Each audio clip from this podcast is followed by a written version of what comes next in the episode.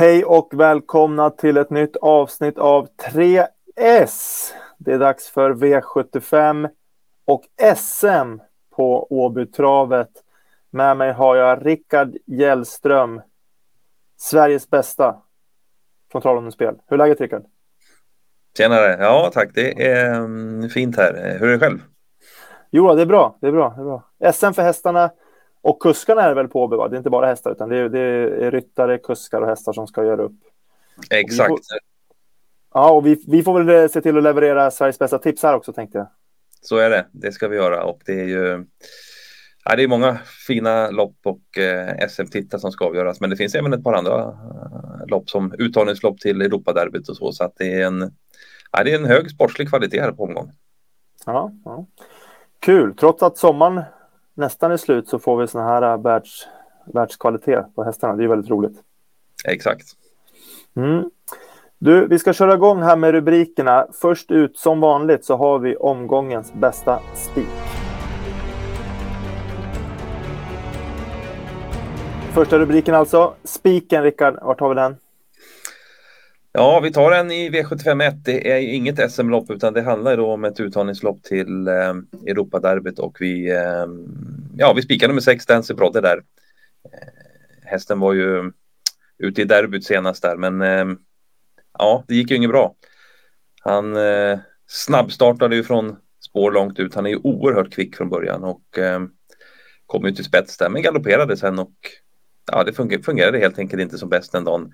Kan ha berott på barfota runt om som han testade första gången. Så att eh, mm, nu återgår man till eh, framskor som man har gått tidigare med och dessutom vanlig vagn där så att man eh, återgår till eh, gamla beprövade utrustning och balans som har fungerat och ehm, eh, ja, man tror ju också, jag pratade med Peter Untersteiner i veckan här och ja, hästen har ju trimmat på och man, man tycker man har hästen i ordning så att ehm, det är ju bra förutsättningar så långt i alla fall. Och förutsättningarna med framspår är också bra för den här hästen som är så oerhört startsnabb. Mm. mm. Mm. Eh, finns det någonting som kan häxa? Är det någon, liksom, finns det risk för svar eller någonting? Eller känns det liksom helgjutet? Så gott det kan kännas helgjutet med det. Ja, det gör ju det faktiskt. Mm. Eh, han är ju oerhört snabb när han har framspår bakom startbilen. Han har ju spetsat från spår långt ut bakom bingen och eh, det ser ju, ja, ut som att han borde kunna ta ledningen även den här gången. Det är ju bland annat har vi ju nummer fem där. Julia Cis är ju startsnabb, men den kommer man i sådana fall söka rygglopp med. Och eh, vägen ligger öppen till ledningen i alla fall här. Och han är fortsatt obesegrad i den positionen, Dancy Brodde. Han har ju gått där sex gånger och inte förlorat. Och, eh, ja, han vann ju bland annat kungapokalen i våras från ledningen.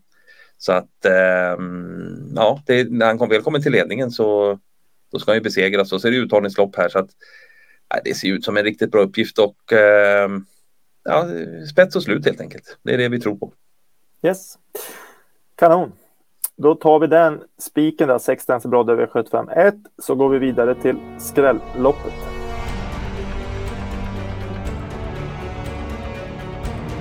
Spiken avklarad. Dags att hitta skrällarna. De som ska höja värdet på V75. Rickard, vart har vi vårt skrällopp eh, för den här helgen? Eh, vi går till V755. Det handlar om SM-lopp för lärlingar. Och det är, en, ja, det är ett intressant lopp. Det är ju, tycker att det är flera bra hästar med här och de här bästa lärlingarna då ska göra upp. Så att det är kul att de får köra bra hästar. Då. Mm, mm. Länge har man pratat om så här med lärlingar, skrällbetonat. Är, är det liksom lite det som är grunden till att det blir ett skrällopp också? Att det är lite oförutsägbart så att säga, vad som ska hända och så där?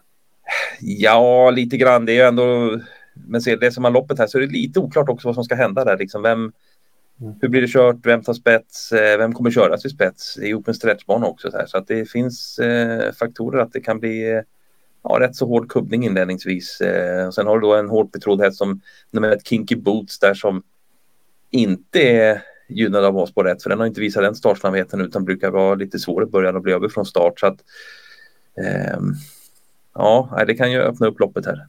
Mm, mm. Och som jag har sagt, är SM också, så det kanske gäller lite extra mycket för de här kuskarna som i sin tur alltså är relativt orutinerade och då liksom lite extra puls, extra adrenalin ihop med orutinen kan göra att det blir lite förivrat ibland kanske.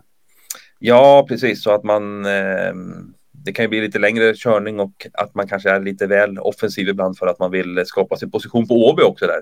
Så att ibland eh, händer det lite mer saker just på, på den banan tycker jag när det är ja, när det, när det är open stretch där och att man vill skaffa sig position. Liksom. Mm. Är det någon speciell du vill lyfta fram i det här loppet som man inte får missa? Ja, ska vi ta en, eh, vi måste göra det är ju skrälloppet så det är klart att vi måste lyfta fram en eh, lågprocentare och eh, det får ju bli 10 Ferox Brick här som just nu när vi spelar in det här är på 3% och det är ju väldigt lite för vara den här kapabla hästen som ju var väldigt hårt betrodd senast han var ute i V75-lopp. Då, eh, ja, då var han favorit och eh, gick ju ett bra lopp där då. Eh, han har ju haft sina problem eh, och eh, genom karriären då så att säga inte riktigt funkat fullt ut. Men nu har han kommit igång och gjort eh, tre lopp här i år och då senast där även på V75 så gick han ju ett bra lopp, men han kunde helt enkelt inte svara den som vann, eh, som speedade till där 600 kvar till ledningen. Men han håller ju farten bra in i mål och är tvåa. Och framförallt så har han ju fungerat i travet de här eh, loppen han har gjort nu. Och det har ju varit ett stort bekymmer genom hela hans karriär att han inte har fungerat i aktionen. Men de här tre loppen har varit plusbetonade. Han har varit ja, eh, liksom lugnt jobbat nu också. Så att därför bör ju formen peka uppåt. Jag också pratat med Jasmine Ising här i, i veckan där och ja, hon var väl, ja, hon trodde faktiskt att hästen skulle vara i bättre form senast, men att med det loppet så borde den gå framåt ytterligare. Så vankas det lite intressanta ändringar här med både lättning i balans och en amerikansk vagn som man inte haft i år. Då. Och som sagt, det kan bli hård körning här och med bra tempo och så där och han får glida med lite i ryggar och då ja, fartmässigt och kapacitetmässigt så, så eh, duger han för att vinna det här loppet. Så att, ja, den där lågprocenten ska man plocka med. Yes, snyggt. Eh, den glömmer vi inte. I skrälloppet alltså V755 och missa för guds skull inte 10 Ferox Brick. Eh, det var det. Dags för tredje och sista rubriken som är chaset.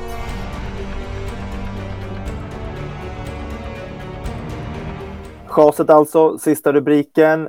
Rickard, har vi något fräckt chas att bjuda på den här veckan?